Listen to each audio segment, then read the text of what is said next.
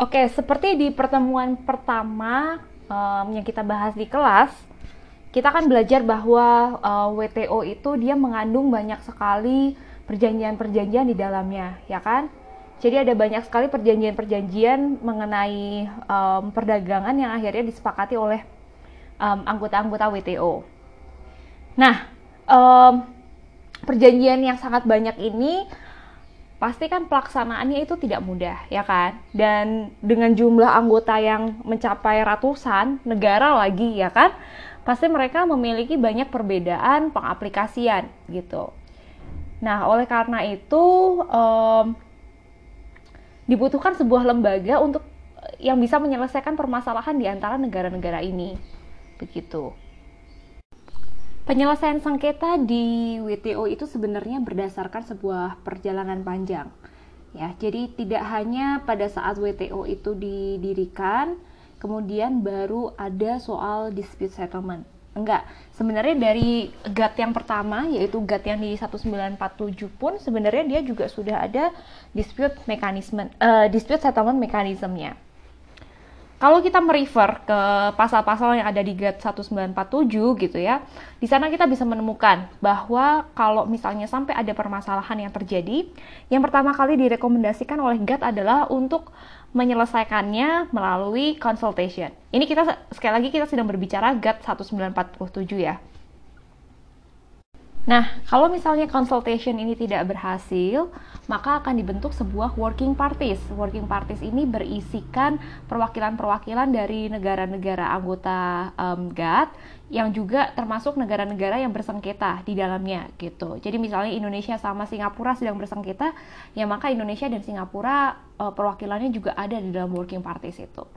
Um, mekanisme penyelesaian sengketa ini kemudian terus dikembangkan, terutama um, di dalam Uruguay Round ya. Jadi dalam Uruguay Round pun ini metode penyelesaian sengketa ini termasuk suatu hal yang ramai untuk diperbincangkan gitu. Karena bagaimanapun juga kan salah satu ini merupakan salah satu lembaga terpenting ya kan dari organisasi ini gitu kita tidak hanya mengatur tentang bagaimana negara itu melakukan free trade aja, tapi kita juga mengatur kalau misalnya sampai terjadi perselisihan, yang mana pasti terjadi ya, karena dengan batasan-batasan dan peraturan-peraturan yang ada di WTO itu, bagaimana cara menyelesaikannya, begitu.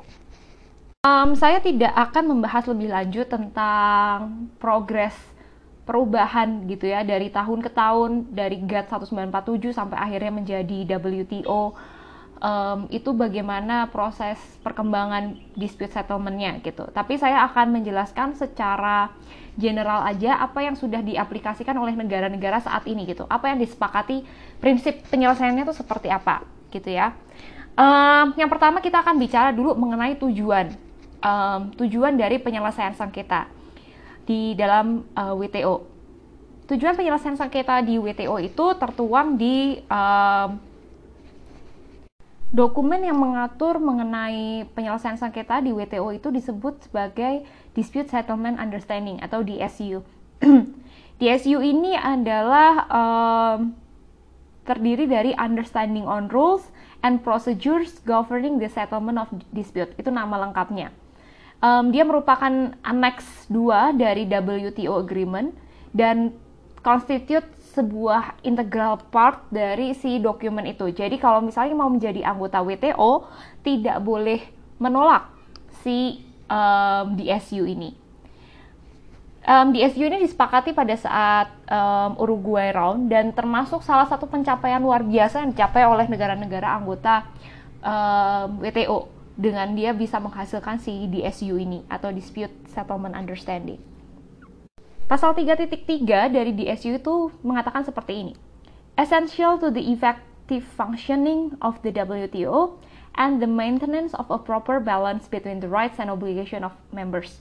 Jadi ini adalah memang fungsi utama dari um, CDSU. Jadi dispute settlement-nya itu ditujukan untuk um, memaintain proper balance atau memaintain um, keadilan gitu ya, balance antara hak dan kewajiban di di tengah-tengah negara-negara anggota dari WTO. Nah, selanjutnya pasal 3.2 dari DSU juga menyatakan seperti ini. The dispute settlement system of the WTO is a central element in providing security and predictability to the multi-layer sorry, multilateral trading system. The members recognize that it serves to preserve the rights and obligations of members under the covered agreements and to clarify the existing provisions of those agreements in, agree in, in accordance with the customary rules of interpretation of public international law. Jadi di sini dinyatakan bahwa dispute settlement system adalah sebuah elemen yang uh, central elemen dari multilateral trading system dan members itu members dari WTO merecognize um, hal itu dan juga dia uh, berusaha untuk apa ya menghormati pula hak dan kewajiban dari anggota uh, WTO yang lainnya gitu. Lebih lanjut, di SU itu juga mengatur lewat pasal 23.2-nya bahwa yang namanya anggota WTO itu dia tidak tidak diperbolehkan untuk memutuskan sebuah pelanggaran w, uh, peraturan WTO sudah terjadi secara unilateral. Ngerti maksud saya? Jadi misalnya um, saya mencurigai, misalnya saya Indonesia, saya mencurigai Singapura sudah melakukan sebuah pelanggaran terhadap peraturan WTO. Nah itu saya nggak boleh apa ya hanya berdasarkan kecurigaan saya pribadi terus saya menuduh Singapura sudah melakukan itu itu nggak boleh kayak gitu jadi semuanya harus dibawa ke dispute settlement um, badinya WTO untuk hanya hanya boleh lembaga itu yang menentukan apakah memang betul sudah terjadi pelanggaran, apakah betul Singapura sudah melakukan pelanggaran, misalnya seperti itu. Tujuan dari um, DSU yang paling utama adalah untuk bisa menyelesaikan permasalahan itu um, dengan cara yang sedamai mungkin gitu ya, atau se-amicable mungkin kalau bahasa Inggrisnya gitu. Um, jadi makanya DSU itu selalu mengencourage negara-negara anggota WTO kalau misalnya mereka punya permasalahan, bu ya diselesaikan itu lewat cara cara-cara yang um, penuh perdamaian gitu. Jadi bukan lewat um, apa ya sesuatu yang langsung marah-marah atau minta ganti rugi, tapi mungkin kalau bisa lewat uh, mutual understanding dan lewat consultation terlebih dahulu gitu. Oleh karena itu bisa disimpulkan bahwa um, semua permasalahan yang dibawa ke dispute settlement body-nya WTO semua harus diawali terlebih dahulu dengan metode consultation. Karena consultation ini uh, relatif murah dan apa ya, memper, apa ya, dia tetap menjaga relasi yang sudah terjadi selama bertahun-tahun gitu antar negara ini gitu. Dibandingkan nanti misalnya si WTO harus menghadirkan panel terus akhirnya panel itu yang akan mengadili gitu. Itu kan juga pertama lebih membuang-buang waktu membuang-buang tenaga biaya gitu jadi memang selalu WTO berusaha untuk menyelesaikan yang pertama kali adalah lewat um, consultation um, nanti biasanya si consultation ini akan menghasilkan sebuah keputusan nah keputusan yang dibuat itu um, juga harus inline sama peraturannya WTO gitu. Nah, kalau misalnya consultation ini tidak berhasil, maka negara-negara itu boleh membawa permasalahan ini ke level selanjutnya, yaitu level adjudication. Um, adjudication ini dilaksanakan oleh sebuah panel. Kalau misalnya setelah dilaksanakan proses adjudication ini oleh para panels dan masih ada negara yang merasa tidak terima, oh tenang aja, WTO juga menyelesaikan uh, juga mengadakan sebuah um, appellate body atau banding. Di appellate body inilah negara yang merasa tidak terima dengan keputusan dari adjudication panel, dia bisa uh, mengajukan keberatan sekali lagi. Sejauh ini metode consultation dan adjudication uh, melalui panel dan juga appellate body merupakan uh, metode yang paling sering dipilih ya oleh para anggota WTO untuk menyelesaikan permasalahan gitu. Jadi per, pasti mereka akan pergi ke consultation dulu atau misalnya lewat negosiasi gitu ya, consultation atau negosiasi. Habis itu kalau nggak berhasil terus mereka ke adjudication, kemudian mereka ke appellate body. Nah, meskipun demikian, um, WTO itu juga memberikan um, alternatif lain, yaitu melalui uh, arbitration dan juga melalui good offices, conciliation ataupun mediasi. Meskipun demikian, ini less popu populer sih. Biasanya selalu lewat adjudication um, ataupun setelah sebel setelah sebelumnya melewati proses consultation.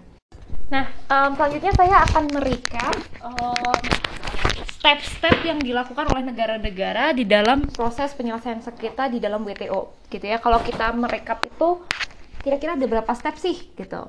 Nah, sebenarnya proses penyelesaiannya WTO ini cukup apa ya? Banyak banyak hal yang dirangkum di dalamnya. Nanti saya juga akan kalian bisa lihat di bagian yang saya kirimkan. Di situ kalian bisa melihat um, struktur proses penyelesaiannya itu seperti apa.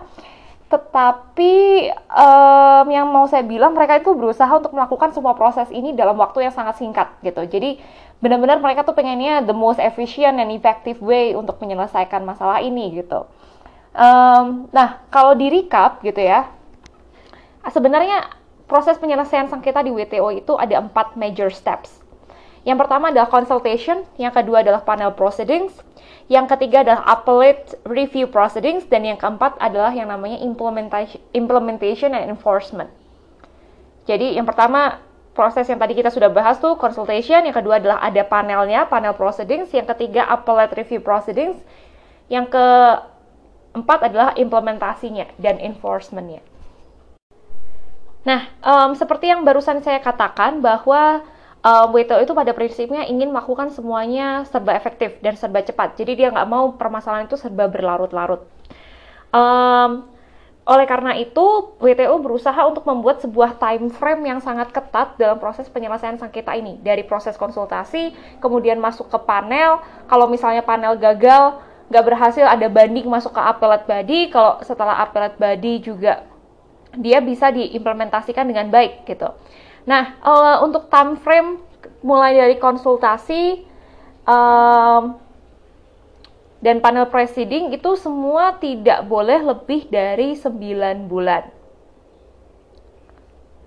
Meskipun demikian, pada praktiknya karena memang susah untuk apa ya, meng, mendengarkan biasanya memang lebih dari 9 bulan sih pada praktiknya. Tapi sebenarnya dia strictly regulated 9 bulan. Kalau di rata-rata sebenarnya panel itu bisa di dari kasus-kasus yang sudah ditangani oleh WTO, biasanya panel tuh menyelesaikan pekerjaannya selama 12 bulan. Jadi dari kasus itu masuk, itu ada sekitar satu tahun kemudian kasus itu mungkin baru bisa selesai. Um, untuk appellate body, lembaga bandingnya di, di WTO, ini lebih ketat lagi. Jadi kalau panel itu 9 bulan, appellate body itu hanya 90 days, 90 hari. Jadi dalam waktu 3 bulan, si appellate body ini harus menyelesaikan. Jadi sepertiga dari waktu yang diberikan untuk si um, panel.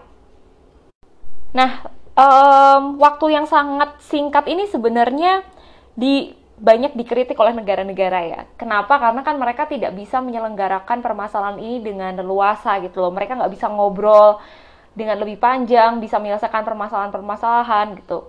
And you can imagine um, the lawyers behind these cases loh. Kalian bisa bayangin mereka cara menyelesaikan dokumen-dokumennya itu gimana caranya dalam waktu satu tahun. Mereka ngumpulin bukti-bukti peraturan. Ini bukan pekerjaan yang mudah. Makanya saya tuh ada satu tahu law firm di Jakarta yang dia specialize di matters of WTO.